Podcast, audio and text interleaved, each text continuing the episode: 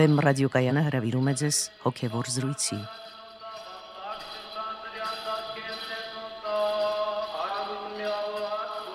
Սիրելի ունկնդիրներ, Վեմ ռադիոկայանի եթերում են արժանապատիվ Տեր Մեսրոպ Քահանա Արամյանը եւ Արա Սարգսակյան Նալչաջյանը։ Այսօրվա մեր զրույցի թեման է ազատություն։ Օրհնյա Տեր հայր։ Աստված օրհնի։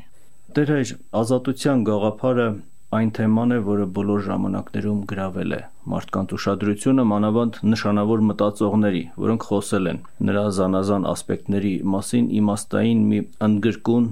երանգապնակ ուրվագծելով Այդ երանգապնակից մենք առանձնացրել ենք 3 շեշտադրում. ազատության եւ բարոյականության փոխհարաբերությունը, մարդու ինքնաճանաչումը ազատության տեսակետից եւ ազատության հասնելու ջանքերը։ Այդ մասին է մեր թղթակից Նոյեմի Անդրեասյանի ռեպորտաժը, որը ձայնագրվել է այսօր առավոտյան։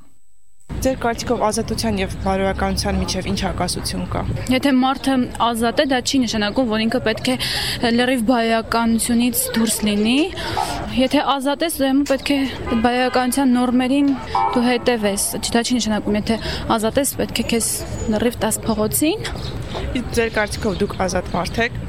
Ես ազատ եմ, լրիվ։ Եթե մի պահ պատկերացնենք, որ ձեր ազատությունը վտանգված է, դուք ինչ ջանքեր կգործադրեք ձեր ազատությունը պաշտպանելու կամ վերականգնելու համար։ Եթե իմ ազատությունը ինչ որ կերպ վտանգված լինի, ես ամեն ինչ կանեմ, որ իմ ազատությունը վերականգնվի։ Ամեն ինչ։ Ձեր կարծիքով ազատության եւ բարոյականության միջև ինչ հակասություն կա։ Դժվար թե կարողանա ազատությունը կոնֆլիկտ ունենա բարոյականության հետ։ Ինչու՞։ Թե մարդը ազատ է, ազատ է մտածում, այդ իր բարոյականությանը թեժ կապ չունի։ Եթե իհարկե ինքը այդ ազատությունը ուրիշ քայլերի չի դիմում ազատությանը ենթարկվելով։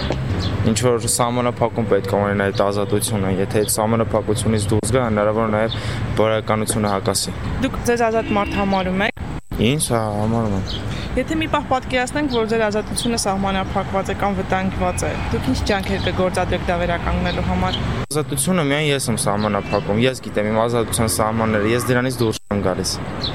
Ձեր կարծիքով ազատության եւ բարոյականության միջև ինչ հակասություն կարող է լինել։ Ազատության եւ բարոյականության միջև շատ հակասություններ կարող են լինել։ Կարող է մարդ ազատ լինել եւ բարոյական լինել եւ հակառակ ազատ լինել, բայց բարոյական չլինել այսինքն հակնվելու առումով, ասենք կարող է շատ ազատ հակնվել, դե ասենք շատ ազատ բաց հակնվելուց կարող է մտածեն բարոյական չի, բայց բարոյական է, այսին այդ կողմից։ Դուք ձեզ ազատ համարում եք։ Չէ։ Այդքան էլ չէ։ Ինչ ջանքեր կգործադրեք ձեր ազատությունը վերականգնելու կամ պաշտպանելու համար։ Չեմ կարող ասել։ Դերեր, ինչպես նկատեցինք, մեր հարցազրույցին մասնակցող անձինք երիտասարդներին, որոնք բոլորն էլ հիմնականում փորձում էին զուգորդել ազատությունը եւ բարոյականությունը, փորձում էին կարծես թե համատեղել դրանք։ Եվ սեփական ինքնաճանաչողության ազատության տեսակետից ինքնաճանաչողության առումով երկու տարբերակն էլ կար մարդիկ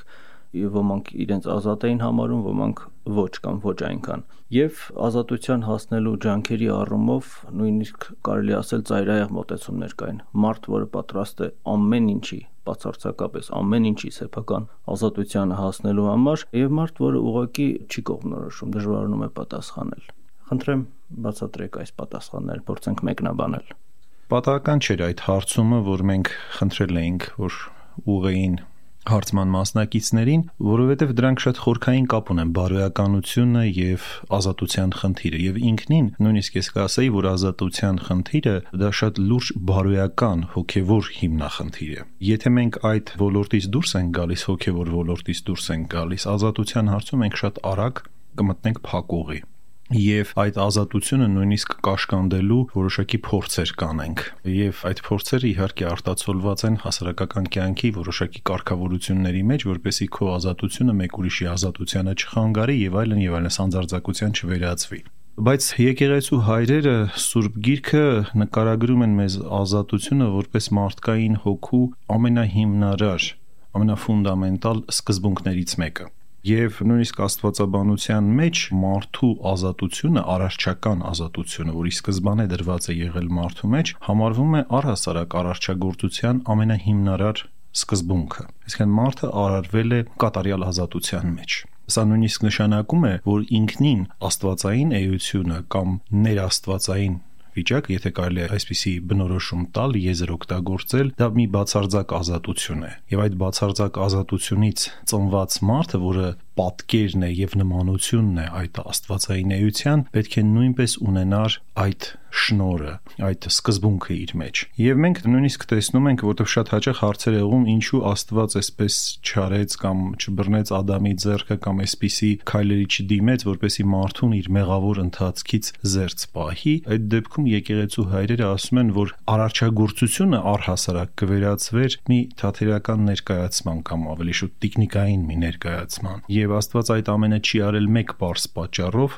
որովհետև արարչագործության արդեն հիմնական սկզբունքը եղել է մարդու ազատության պահպանումը։ Այսինքն մարդը իր քայլերը, իր որոշումները պետք է կատարեր ելնելով իր ազատության սկզբունքից։ Սա արդեն ամենացայտուն կերպով երևում է փրկagorցության մեջ։ Տեսեք Աստված ինչպիսի ճանապարհով է մարդուն փրկությունը տալիս Աստծո համար անհնարին ոչինչ չկա, Աստված կարող էր մի ģերբնական հրաշքով ազատագրել մարդկությանը եւ այլն, բայց եկեղեցու հայրերը ուսուցանում են, որ դա չէր լինի մարդկային բնության սեփականությունը, դա չէր դառնա մարդունը եւ դրա համար Աստված մարդակերպ կերպով, մարդակերպ ճանապարով մատուցեց մեզ այդ փրկություն, դարձավ մեր նման մարդ, անցավ մեր բոլոր վշտերի միջով, մեր բոլոր տարաբանքների միջով, հաղթահարեց դրանցում դրված չարի որոգայթները, բայց որպես կատարյալ Աստված եւ որպես կատարյալ մարդ հաղթահարեց եւ մարդուն ռեալ կերպով հնարավորություն տվեց, որ մարդը ազատորեն կարողանա իրագործի իր փրկությունը։ Ձեկ ինչ ճանապարով է Աստված տալիս նորից ու նորից հարգելով այդ կարևորագույն եւ մեծագույն սկզբունքը մարդու մեջ մարդու ազատությունը եւ վերջո արդեն այդ փրկagorցության պտուղը արգասիքը այն է որ յուրաքանչյուր մարդ անկախ իր ազգային պատկանելությունից, անկախ իր աշխարհագրությունից, անկախ իր ժառանգությունից, անկախ իր ֆիզիկական տվյալներից, տաղանդից եւ այլն եւ այլն, ունի լիակատար հնարավորություն այդ փրկության տնտեսության մեջ իր մասնակցությունը ունենալու եւ անկախ այդ բոլոր հանգամանքներից դերեր, ինչպես դուք ասացիք, մի հիմնարար ձգտում է այդ ազատության ձգտումը, որ դրված է մարդկային հոգում եւ թերևս հենց այդ է պատճառը, որ անկախ նաեւ ժամանակներից բոլոր դարերում ազատության հարցը հուզել է մարդկանց։ Կարող ենք մենք փիլիսոփայորեն սահմանել, թե ինչ է ազատությունը։ Իսկապես ինչ է ազատությունը, որ այդքան հուզել է բոլոր ժամանակների մարդկանց։ Գիտեք, կատարելապես սահմանել, թե ինչ է ազատությունը մեկ բառով, թերևս հնարավոր չլինի, բայց մենք կարող ենք որոշակի բնորոշիչ սահմանումներ տալ, եւ նախ եւ առաջ պետք է ասեմ, որ հոգեվոր տեսանկյունից ելնելով ազատության խնդիրը միմիայն իրագործելի է կրոնական փորձառության մեջ։ Մնացած տիպի ազատությունները ունեն որոշակի սահմանափակություններ Այսինքն դրանք կարող են դիտվել եւ որպես ազատություն եւ որպես ոչ ազատություն եւ մարդը կարող է այդպիսի ազատությունների ձեռքը գերի դառնալ հայտնվել բավականին ստրկական վիճակում։ Բայց երբ որ մենք խոսում ենք հոգևոր ազատության մասին, պետք է հասկանանք, որ շատ հաճախ այդ հոգևոր ազատության ճանապարհը եղել է շատ սահմանափակ ճանապարհ Մարդիկ պատկերացրեք, դարձել են ճգնավորներ, վանականներ, նույնիսկ իրենց տեղափոխվելու հնարավորություններն են խիստ սահմանափակել մի ինչ որ խցի մեջ, մի ինչ որ սենյակի մեջ։ Տերը նկարագրում է դա որպես նեղ եւ անձուկ ճանապարհ, այսինքն իսկապես այդ ճանապարհով գնացողները իրենք լայն պողոտայով չեն շարժվում, որը տանում է դեպի կործանում Տերն է ասում, իրենք գնում են նեղ ճանապարհով։ Ուրեմն արտաքին տեսանկյունից նույնիսկ կարող է դա թվալ բավականին ոչ ազատ վիճակ, այսինքն այդ մարդու վիճակը, որի որտեվ ինքը խիստ սահմանափակ վիճակում է դրված։ Բայց երևակայք, որ այդպիսի վիճակներում է իրագործում կատարյալ ազատության սկզբունքը։ Եվ եկեղեցու հայրերը հասկացել են այդ ճանապարհով գնացողները, որ ազատությունը իրականության մեջ կապ չունի աշխարհիկ որևէ երևույթի հետ։ Լիակատար ազատությունը դա հենց այն ներդաշնակությունն է, որը մարդու հոգում տեղի է ունենում, կատարվում է մարդու մեջ, երբ մարդը միավորվում է Աստծո։ Ինչ ասել կոզետերեր, այսինքն մարդը կարող է լինել բանտում եւ լինել ազատ։ Իհարկե, փաստորեն, եթե մենք դիտարկում ենք նույնիսկ այդ ճգնավորական վիճակը, դա ըստ էության, այսինքն մենակեցությունը, այդ ճգնավորական շատ դրսևորումներ գրեթե բանտային վիճակներ են եղել, բանտարկելված մարդիկ սեփական կամքով մարդիկ իրենք իրենց բանտարկելել են հասնելու համար այդ կատարյալ ազատությանը։ Այլ կերպ ասած, ազատությունը մի բան չէ, որը այս կամ այն ընտրելով է պայմանավորված Հասկանալի է, չարը ընտրելը, բարին ընտրելը, որտեվ դա միայն ընտրողությամբ չէ։ Ազատությունը մի բան է, որը մեզ տանում է դեպի Աստված, ինքը առաստված ուղված վեկտոր է, եւ ոչ թե երկու ուղություն ունի՝ չարի եւ բարու։ Ազատությունը իրականության մեջ բարին ընտրելն է ճշմարտությունը ընտրելն է։ Շատ հետաքրքիր է, որ Տերը ասում է եւ կճանաչեք ճշմարտությունը, եւ ճշմարտությունը կազատագրի ձեզ։ Դեք չի ասում, այսինչը կճանաչեք կազատագրի ձեզ, ճշմարտությունը կազատագրի։ Ուրեմն մենք այս տեսանկյունից հոգեվոր ընդհանրապես ճանապարհը քրիստոնեության ճանապարհը անվանում ենք նաեւ ներքին ազատագրման ճանապարհ։ Այսինքն մարդը իրապես քայլելով այդ ճանապարհով կարողանում է ազատագրվել, ներքնապես ազատագրվել։ Ինչից ազատագրվել շատ կարևոր է։ Մեղքի կապանքներից, չարի կապանքներից, չարի հրապույրներից։ Որովհետև տեսեք, այդ ֆունդամենտալ ձգտումը մարդու հոգում կա ազատագրվելու մարդը ներքուստ նույնիսկ անբացատրելի կերպով ձգտում է ազատագրման։ Սա շատ հզոր մի ձգտում է մարդու մեջ դրած, բայց չարը պատրաստ է մեզ կեղծ ազատություններ տալով շեղել մեզ մեր բուն հոգևոր նպատակից, որտեղ այդ ազատագրումը իրագործվում է միայն ու միայն, երբ որ մարդը ձգտում է առ Աստված։ Եվ չարը նրան տալիս է ազատության տարբեր պատրանքներ, ֆիզիկական, երևակայական, կրքերի ամեն տեսակ ազատություններ է նրան խոստանում եւ հրամցնում եւ մարդու այդ հիմնարար ձգտումը շեղվում է դեպի աշխարհիկ խապկանքային մեղսահակ ուղություններ եւ մոլորվում է այդ ամենի մեջ։ Ուրեմն հիմնական նպատակը մարդկային կյանքի այդ ազատության ձգտման իսկապես ներդաշնակ օգտագործումն է, Աստծո կամքի համաձայն օգտագործումն է։ Տերեր, ինչպես նշեցիք այդ աշխարհային զանազան իրողությունների մասին, մարդը քանի որ ապրում է այդպիսի միջավայրում, ապա բնականաբար դա ակներև ճշմարտություն է, որ հազարավոր թելերով կապված է այն իրադրության հետ, քանի որ աշխարհում է ապրում այն աշխարական իրադրության հետ, որում ինքը կենսագործում է։ Եվ ուրեմն հարց է առաջանում, թե արդյոք ազատությունը ինքնախապեյություն կամ պատրանք չէ։ Գուցե առհասարակ այդպիսի հասկացություն չկա։ Բացարձակ ազատություն գուցե առհասարակ հնարավոր չէ, քանի որ այսպես թե այնպես դու պետք է ապրես որոշակի միջավայրում եւ այդ միջավայրի հետ միշտ էլ կապերով կապված կլինես աշխարհիկ կյանքում, ինչպես արդեն մենք նկարագրեցինք, ազատության լիակատար իրագործում հնարավոր չէ։ Եվ եթե մենք խոսում ենք աշխարհիկ ազատությունների մասին, ապա մենք կարող ենք ասել, որ դրանք այս կամ այն կերպ սահմանափակված ազատություններ են բայց իհարկե մենք չենք կարող լրիվ խոսակցությունը հասցնել մի абսուրդի եւ ասել, որ աշխարհում չկա այդ ազատության սկզբունքը։ Հնարավոր չէ։ Ուրեմն աշխարհում էլ կա։ Եթե դա հոգեվոր ազատագրման ճանապարհ է, այդ հոգեվոր սկզբունքները պետք է հասարակության կյանքում, մարդկային կյանքում պետք է անպայման արտացոլված լինեն մարդկային փոխհարաբերությունների մեջ։ Ես կարող եմ ասել, որ լիակատար ազատությանը մենք կհասնենք միայն այն դեպքում, երբ որ սկսենք սիրել միմյանց իսկապես սիրել, որտեվ սիրո մեջ եւ հարգված է դիմացինի ազատությունը եւ հարգված է սիրողի ազատությունը, այսինքն դրանք իրար հետ կոնֆլիկտի մեջ չեն մտնում։ Բայց որ չկա սեր, դրանք բոլորը սկսում են իրար հետ կոնֆլիկտի մեջ մտնել։ Այդ ժամանակ վրա են իջնում որոշակի սահմանափակումները, որ այս բաները ուղակի չես կարող անել, որտեվ եթե չկա այդ սիրո սկզբունք, ուրեմն դու ստիպված ես որոշակի կանոնակարգով կամ որոշակի օրինական կարգով առաջնորդվել։ Եվ եթե իսկապես վրա են հասնում այդ բարոյական սահմանափակումները սահմանափակումները, արդյոք մեր ազատությունը դրանով չի սահմանափակվում։ Անշուշտ սահմանափակվում է, բայց հոգևոր ազատագրման տեսանկյունից դա ոչ մի վտանգավոր բան իրենից չի ներկայացնում։ Նորից եմ ասում, որովհետև այդ ազատագրմանը մարդիկ շատ ավելի սահմանափակ վիճակներում են հասել, քան ընդհանրապես այսօրվա կյանքն է։ Իսկ եթե մեկը իսկապես փորձի շարժվել այդ հոգևոր ազատագրման ճանապարհով, աշխարհիկ այդ բոլոր կապանքները եւ այլն կկորցնեն իրենց ուժը եւ գունազրկվեն այդ մարդու աչքերի առջև։ Դա չի դառնա որևէ էական բան, եթե մարդը իսկապես իր առջև դրել է հոգևոր ազատագրում արտագրման այդ կատարյալ խնդիրը եւ այդ ճանապարհով ամեն օր հետեւողական քայլեր է իրականացնում։ Ես ուրիշ բանի մասին կարող եմ ասել, որ շատ հաճախ մարդիկ իբրև թե ընտրելով հոգեվոր ազատագրման ճանապարհը, իբրև թե մտնելով հոգեվոր ոլորտ իրականության մեջ հոգեվոր կյանքով չեն ապրում, չեն շարժվում, չեն խորանում այդ ազատագրման ճանապարհով։ Եվ այդտեղ կրում են որոշակի պարտություններ։ Հենց որ կրում են այդտեղ որոշակի պարտություններ, իրենք փորձում են իրենց վիճակը արդարացնել արտաքին կյանքում հանուն ազատության մարտնչելու արդեն կեղծ սկզբունքով փորձում են արդարացնել իրենց վիճակը եւ ցույց տալ, որ իրենք էլ ճշմարիտ, այսպես ասած, հոգևոր մարդիկ են եւ այլն եւ այլն։ Մարդը շատ հաճախ է հայտնվում նմանօրինակ կեղծիքի մեջ։ Բայց նորից վերադառնալով հասարակական կյանքի մեջ ազատության սկզբունքին, մենք կարող ենք ասել, որ այդ սկզբունքը շատ համահունչ է եւ ներդաշնակ է արդարության սկզբունքին։ Եթե հասարակության մեջ կա արդարության սկզբունք, կա արդարադատություն, այսինքն հասարակությունը չի կորցրել այդ արդարության զգացողությունը, ապա մարդու ազատության շատ հարցեր, ազատության հետ կապված շատ հարցեր կարող են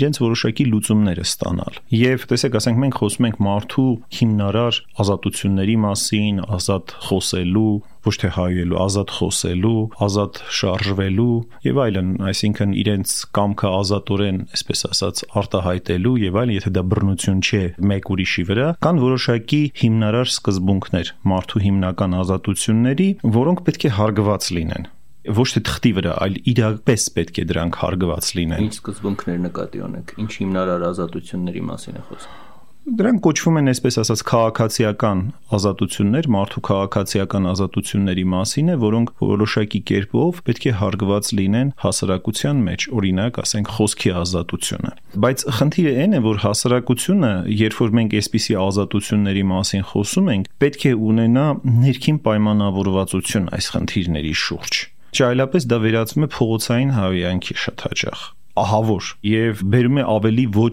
ազատ մի վիճակի հասարակությանը։ Տեսեք օրինակ անկախություն մենք ստացանք դա մեխանիկորեն մենք ստացանք իրականության մեջ, որտեղ սովետ միությունը փլուզվեց։ Մենք կարող ենք ասել, որ դա դարավոր բաղձանք է եղել եւ այլն եւ այլն, բայց դա մեր գլխին թափվեց այդ ազատությունը։ Եվ շատ մեխանիկական էր անցումը, ավտոմատ կերպով մենք անցանք սովետական միության այդ համակարգից դեպի անկախություն։ Հիմա մենք ինչ կարող ենք ասել, մենք ավելի ազատ դարձանք թե ոչ։ Սա բավականին երկկողմանի հարց է։ Եվ ամենակարևորը այն է, որ այդ անցման ժամանակ, եթե մենք այս համակարգը չէինք սիրում, եկանք այն համակարգին, որը որ մենք սիրում ենք կամ որը մենք ցանկացել ենք, մենք այդ դարձը պետք է ֆիքսեինք։ Ես հաճախ խոսել եմ ապաշխարության մասին, որ տեղի չունեցավ մի մակրության ակտ, այսինքն մենք ուղղակի ազգովի չկանգնեցինք եւ չհայտարարեցինք թե մենք ինչ բացական դրսևորումներ ունեինք այդ սովետական համակարգում եւ ինչից էինք մենք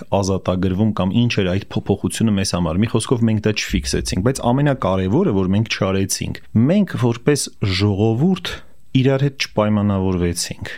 իրար հետ ապրելու համար։ Այդպիսի բան տեղի չի ունեցել։ Գիտեք, այդ մեխանիկորեն ինչ որ օրենքներ ընդունել եւ այլն եւ այլն եւ այլն, դա ոչինչ չի նշանակում։ Մենք հասարակական պայմանավորվածություն իրար հետ ձեռք չբերեցինք։ Իսկ ինչպես կարող է առհասարակ ձեռք բերվել նման պայմանավորվածություն հասարակական, քաղաքական, տնտեսական եւ առհասարակ հասարակության կյանքին վերաբերող զանազան ոլորտներում, ինչը պետք է հավաքվի ամբողջ ազգը եւ պայմանավորվի։ Անպայման չի, որ հենց ֆիզիկապես ամբողջ ազգը հավաքվի, դա ազգին հասցնելու տարբեր, այսպես ասած, ճանապարհներ կան, բայց նաև հավաքվելն էլ է իրար հետ կարևոր անպայման չի, որ մենք հավաքվեինք եւ միայն Ղարաբաղ գոչեինք եւ պահանջեինք, որ Սովետ միությունը էս աներ, այն աներ, այն աներ։ Մի անգամ էլ կարելի էր հավաքվել եւ իրար հետ փորձել հասկանալ, թե մենք որպես ժողովուրդ ինչ պայմանավորվածություն ունենք իրար հետ։ Մենք պայմանավորվել ենք իրար հետ ապրել, թե ոչ։ Տեսեք, երբ որ չենք պայմանավորվում, զգալի թվով մարդիկ տեսնում են, որ չկա ոչ մի բանի պայմանավորվածություն, չկա ոչ մի բանի հարգում եւ թողում գնում են։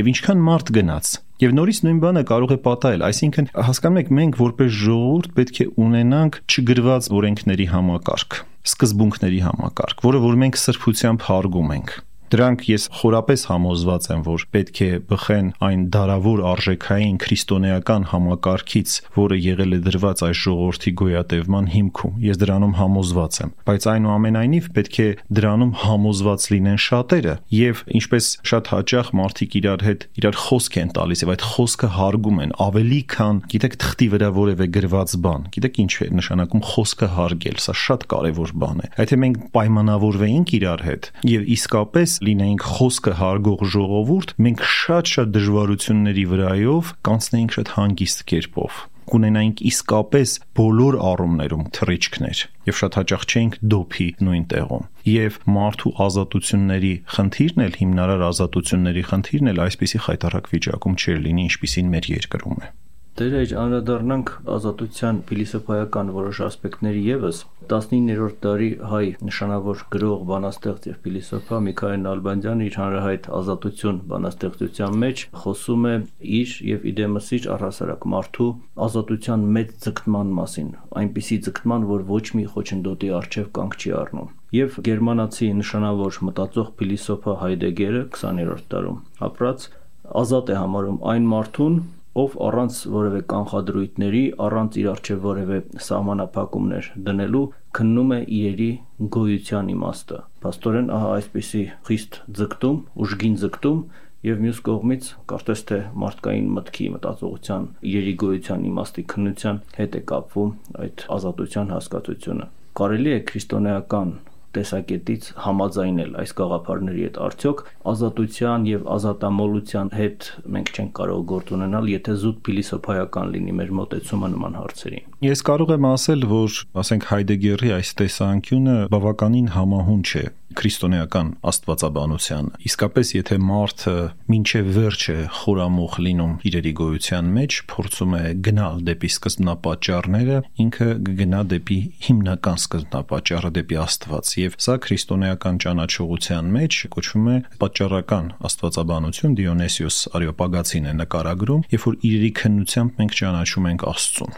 եւ կա այսպիսի ճանապարհ քրիստոնեության մեջ։ Եթե իհարկե նորից եմ ասում, որ այդ ամենը ուղեկցվում է նաեւ ներքին բարոյական ազատագրման, որտեղ կան շատ գիտնականներ, որոնք որոշակի ճանաչողության են հասել իրերի ճանաչողության են հասել, բայց իմաստության չեն հասել։ Այդ իմաստությունը արդեն բխում է քո ներքին հոգևոր իրավիճակից։ Եթե դա չլինի, ճանաչողությունը իմաստության չի վերածվի։ Եվ այդ ճանաչողությունն էլ կմնա կապանքված կդառնա մարդու համար որոշակի բռնություն, կաղապար կդառնա, որը թույլ չի տա, որ մարդը լիակատար ազատագրման հասնի։ Բայց երբ որ դա իմաստության է վերածվում, արդեն դա լուսավորություն է, արդեն այդտեղ կա ազատագրում, որովհետև իմաստուն մարդը արդեն ազատ մարդ է, ներքնապես ազատ մարդ է։ Իսկ իմաստուն մարդը միայն նա է, ով հոգևոր ճշմարտություններ է ճաշակում ներքնապես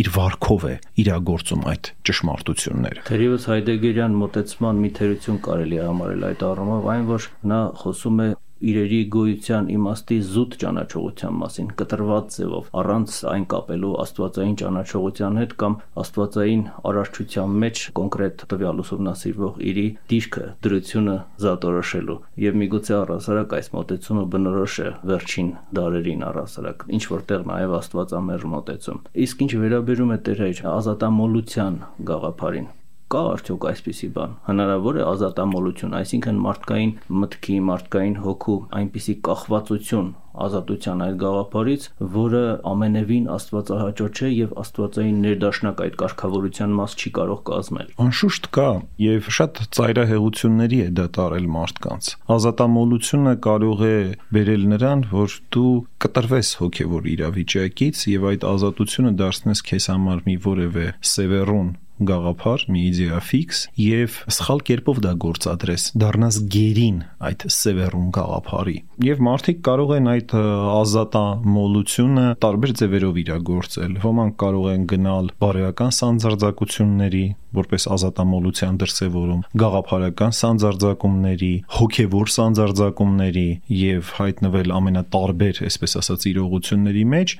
քաղաքական առումով էլ այդ ազատության սանձարձակությունը կարող է բերել, այսպես ասած, զանազան հեղափոխական դրսևորումների եւ որպես կանոն դա տանում է կուրության մարդկանց։ Այսինքն մի որոշակի շրջանից հետո արդեն դա վերածում է իսկապես մոլության, իսկ յուրաքանչյուր մոլություն դա ինքնին կուրություն է, երբ որ արդեն դու իրավիճակը ճիշտ չես գնահատում։ Եվ եթե ուշադրություն դարձնենք հեղափոխության բոլոր պատմությունների վրա, կտեսնենք թե ինչպիսի սարսափելի դրսևորումներ են դրանք ունեցել։ Ֆրանսիական հեղափոխությունը վերցեք եկեք, հետո վերածվեց ուղակի արյան խրախճանքի։ Այնպիսի բաներ էին անում, որ զարհուրում ես, որ մարդ արարածը կարող է այդպիսի մեղքեր գործել եւ որ մարդ արարածի մեջ ինչպիսի վայրենություն է դրված եւ այդ վայրենությունը եթե ազատությամբ սանձարցակես ինչի կարող է մարդը հասնել եթե սանձարցակությունը վատ է այսինքն անհրաժեշտ են որոշակի սանձեր կամ սահմանափակումներ ապա այդ միտքը ինչպես կարելի է զուգորդել Տեր հայր մեր միջնադարյան վաղ միջնադարյան նշանավոր իմաստասեր Դավիթ Անախտի հետևյալ դիտողությանը, որ մարդը իր ազատ կամքով հակվում է դեպի հոժարումը այսինքն կամքից դեպի հոժարում անցում եւ հոժարումից էլ ընթանում է դեպի ընտրություն։ Եկեք այս ասպեկտով դիտարկենք ուրեմն հակիրճ կերպով ազատություն, կամք, ընտրություն այդ շղթան այսինքն ազատություն մարդկային հոգու, կամք որպես դրա դրսևորում, կամքի հակում եւ հոժարում եւ ընտրություն, որը արդեն գործնական դրսևորումն է այդ ազատության իրագործման։ Իհարկե, եթե մարդը ճունենա ներքին ազատագրված վիճակ, Այսինքն հասած չլինի որոշակի հոգևոր ճշմարտության, այս ճշմարտությունն է ազատագրում մարդուն, նրա կամքը չի կարող ճիշտ դրսևորումներ ունենալ եւ որպես կանոն, ասենք այդ մարդիկ կյանքում կատարում են սխալ ընտրություն։ Հիմա սա բացարձակ ճշմարտություն է մարդու ներքին ճանաչողության տեսանկյունից, հոգևոր գիտակցության տեսանկյունից եւ այս սկզբունքը կարող ենք նաեւ պրոյեկտել հասարակությունների վրա էլ։ Եթե հասարակությունը ունենա բավականաչափ ներքին ազատություն, ինքը այդ կամքը, որը որ պետք է դրսևորի ընտրության միջոցով, միշտ չէ որ կարող է ճիշտ գործադրել եւ դա գնում է իսկապես լուրջ խեղաթյուրումների։ Եթե մենք դեմոկրատական արժե համակարգը, որ ապրիորի այսօր դրված է բոլորի վրա որպես մի անխուսափելի անհրաժեշտություն, ասում են էսե ու վերջ ուրիշ ճանապարհ չունես դեմոկրատիա։ Լավ, բայց եթե մենք խոսում ենք դեմոկրատիայից, ապա պետք է հասկանանք, որ դրա համար առնվազն պետք է հոգևոր տեսանկյունից առողջ հասարակարգ դու ունենաս առողջ հասարակություն պետք է ունենաս Իսկ եթե հասարակությունը հիվանդ է, իսկ եթե հասարակությունը չունի ներքին ազատություն, ինչպես է ինքը այդ դեմոկրատիան իրագործելու։ Տեսեք, այդ դեմոկրատիան ինչ փակուղի է մտնում մահմեդական երկրներում, ինչ փակուղի է մտնում պոստսովետական երկրներում։ Ես չէի ասի, որ այդ դեմոկրատիան մի փայլուն նաև հաղթարշավ է ունենում, այսպես կոչված դեմոկրատական երկրներում երբեք չէի ասի։ Տեսեք, ասենք օրինակ, այս վերջի տարիներին որքան սահմանափակվեցին մարդու ազատությունները հենց նույն Ամերիկայում։ Այսինքն, այսպես ասած, այդ դեմոկրատական սկզբունքները ինչ սահմանափակումների տակ դրվեցին։ Սեպտեմբերի 11-ի իրադարձություններից հետո մարդիկ ուղակի պատրաստ էին իրենց ազատությունները վաճառել մի քիչ ավելի ապահովության համար։ Եվ ամենակարևորը, որպես հոգևոր ոլորտի մարդ, ինձ հետաքրքրում է, թե այդ դեմոկրատական պայմաններում մարդ հարարածը ուր է հասել։ Այսինքն ինքը իսկապես դարձել է երջանիկ, թե ոչ, լուսավորված մարդ, թե ոչ։ Գիտեք, ես հաճախ եմ լինում այդ երկրներում Եվ ասեմ, որ ուղղակիորեն ամենահազվագյուտ բանը այդտեղ ազատագրված մարդ տեսնելն է, լուսավորված մարդ տեսնելն է։ Գիտեք, այդ նույն դեմոկրատիան, եթե ճունենա ներսից այդ հոգևոր առանցքը, որը տանում է մարդ արարածին իր արժեքային համակարգով դեպի ազատագրում, այդ նույն դեմոկրատական պայմաններում դու կարող ես դառնալ նույնիսկ նույն գերին, քո կրքերի, քո երևակայությունների, քո մտքերի, քեզ պարտադրվող արժե համակարգի քեզ հрамցվող ինֆորմացիա եւ այլն եւ այլն։ Այդ ամեն ինչը տեղի է ունենում եւ ես կարող եմ ասել, որ մարդը մեծապես մանիպուլացվում է այդ համակարգերում, մեծապես եւ իրական ազատության տեսանկյունից եթե դիտեինք այդ ամենը, ապա մի ողբալի վիճակ էլ այնտեղ է։ Դրա համար երբ որ մենք ասում ենք, այ մենք ուզում ենք այս դեմոկրատական համակարգը եւ ուզում ենք գնալ հասնել Եվրոպա, ինչեւ այնտեղ հասնելը մի հատ գնանք այդ նույն եվրոպացիներից հարցնենք, դուք ձեզ երջանիկ զգում եք Ես շատ հաճախ որ իրենց հետ զրուցում եմ, նրանք ասում են դուք դեռ շանս ունեք։ Շանս ունեք չանելու այն սխալները, ինչ որ որ մենք ենք անում։ Հետաքրքիր է նրանց տեսանկյունը, որ թվում է թե ամեն տեսակ ազատություններով ճոխացած մարդիկ են, բայց տեսնում են իրականության մեջ, որ դա եւս մի յուրահատուկ բռնություն է։ Իհարկե, ես չեմ ասում, թե մենք ընդհանրապես բան չունենք սովորելու։ Ունենք, շատ բաներ ունենք սովորելու, Ես քիչ առաջ ասացի արդարադատության մասին, արդարության մասին։ Երկրում պետք է այդ համակարգը լինի։ Տեսեք անիրավ դատավորի մասին, երբ որ այդ առակը դրան նվիրված գիրակի կա, եւ նույնիսկ այրիկինը այնքան բռնադատեց, որ դատավորը ասեց՝ ես մարդկանցից չեմ ամաչում, աստուց չեմ վախենում, բայց այս կնոջ դատը պիտի անեմ, թե չէ սրա ձեռից չեմ բրծնի։ Նույնիսկ այդ անիրավ դատավորի մտքով անցել է մի հատ ճիշտ դատավարություն անել Պատկերացնում եք։ Ես խորհուրդ եմ տալիս, որ մեր դատավորները, արդարադատության համակարգի աշխատողները ուշադրություն դարձնեն այս ամենի վրա։ Այսինքն չի կարելի հասնել այն իրավիճակի, որի մեջ որ մենք իսկապես գտնվում ենք։ Այսինքն մարդու արդար դատի, արդար պահանջատիրության իրավունքը պետք է հարգվի։ Մենք իսկապես շատ վտանգավոր փուլերի մեջ ենք այսօր մտած։ Եվ սա ուղակի աղաղակող մի անարդար վիճակ է, որի վրա պետք է ուշադրություն դարձնեն մեր պետության ղեկավարները։ Եւ պատահական չի, որ հենց այս բաներն են, որ բերեցին հասարակական ցասման որոշակի դրսևորումների քաղաքական այս ընտրությունների ընթացքում։ Իրեր իսկ գուցե այդ ամենը կապված է այսօրվա մարդու մոդելի հետ, այսպես ասած, մարդու մոդելի, եթե կարելի է իհարկե այսպես արտահայտություն գործածել, այն սպառողական հոգեբանությամբ մարդու հետոնիստական հայացքների տեր մարդու մոդելի հետ եւ դերևս մենք հարց տանք մեզ այսօր թե ինչպիսի մարդկային կերպար մենք կուզենայինք ունենալ որն է մեր մտապատկերը, մեր տեսլականը եւ արդյոք այն իրավիճակը մարդկային կերպարի, որ այսօր արկա է, չի հակասում առհասարակ մարդու ազատության կամ ազատ մարդու մոդելին իհարկե հակասում է եւ ես պետք է ասեմ որ գոյություն ունի որոշակի մոդելային գիտակցություն որը սերմանվում է հասարակության մեջ Եվ ես բացարձակապես համամիտ չեմ, նույնիսկ սա մեղմ խոսք է ասել համամիտ չեմ, այն ամենին, ինչ այսօր կատարում են մեր լրատվամիջոցները, ասենք մեր հասարակական գիտակցության մեջ, ինչ են սերմանում։ Այ կարող ենք ասել, որ երբեմն անառակության, այսպես ասած, քարոշչության մեջ իրանք բացարձակ հիմա ազատություն ունեն եւ ուղակի սրա վրա պետք է ուշադրություն դարձնել եւ այս ամեն ինչը կասեցնել բայց դա եթե հիմա դիտարկելու չլինենք մենք կարող ենք ասել որ որոշակիորեն ստերեոտիպ է ձևավորվում սպառողական մարդու որ մարդ հարարածը էս է որոշակի սպառողական ցանկություններով։ Հենց որ այդ սպառողական, այսպես ասած, ցանկությունները բավարարվեցին, մարդը իրեն երջանիկ է զգալու։ Ես կարող եմ ասել, որ չկա այդպիսի երջանկություն, գոյություն չունի։ Դա ամենաողբերգական բանն է, դեպի որը կարելի է տանել մարդուն։ Եվ մենք խոսեցինք, թե ինչպիսին է հոգևոր ազատագրման վիճակը։ Դա կարող է ունենալ խիստ սահմանափակումներ, բայց ներսից ունենալ մեծագույն լույս եւ մեծագույն վեհություն։ Իհարկե ես խոսում եմ կամովի սահմանափակումների մասին, երբ որ ակամա են դրանք, այսինքն մենք տանում ենք մարդկանց բանտ ենք նստացնում եւ այլն եւ այլն, դրանք շատ ծայրահեղ բաներ են եւ որպես կանոն հակարդյունք կարելի այսօր նաև խոսել այդպիսի երևույթների մասին, երբ որ մարդկանց իրենց հայացքների համար բանտ են նստեցնում այլ պատրվակներով եւ այլն։ Այդ ամեն ինչը թացը չորից պետք է զատվի եւ այստեղ լուրջ քաղաքական կամք է պետք։ Բայց այնուամենայնիվ վերադառնալով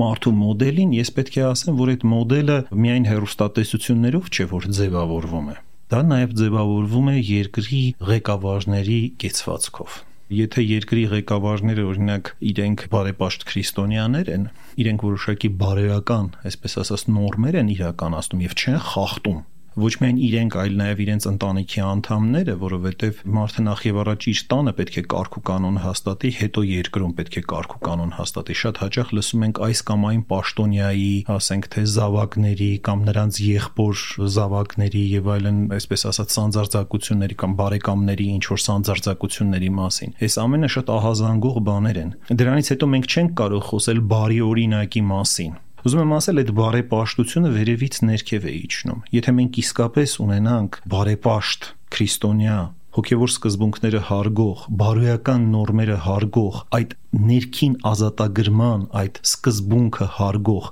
պաշտոնյաներ, ղեկավարներ շատ արագ այդ ստերեոտիպները կփոխվեն։ Հերոստատեսություններն էլ կմտնեն իրենց ճիշտ, այսպես ասած, կերպարի մեջ։ Արդեն ուրիշ բաներ չեն քարոզի եւ այլն։ Էնպես որ սա շատ կախված է նրանից, թե ինչպիսի ղեկավարություն ենք մենք ունենալու։ Եվ այդ ղեկավարությունը լինելու է կրիչը այդ արժեքների։ Եվ ես կուզենայի, որ դա մակերեսային չլիներ, որտեվ մակերեսային այդ խանդավառությունները շատ արագ փշրվում են Ես կուզենայի, որ դա շատ խորը մի երևույթ լիներ, խորը ներքին փոփոխության մի երևույթ լիներ։ Եվ այդ առումով ես կխնդրեի նաև, որ մեր ունկնդիրները հատուկ աղոթեն սրա համար, որ մենք իսկապես կարողանանք որոշակի մակրության, որոշակի հոգևոր ընթացքի process սկսել այս ամենում որպեսզի իսկապես մենք մեր աղոթքներով կարողանանք նպաստել մեր ժողովրդի հոգևոր ազատագրմանը Շնորհակալություն եմ հայտնում Տեր հայր, թույլ տվեք սրանով եզրափակել մեր այսօրվա զրույցը ազատություն թեմայով։ Օրհնյա Տեր հայր։ Աստված օրհնի։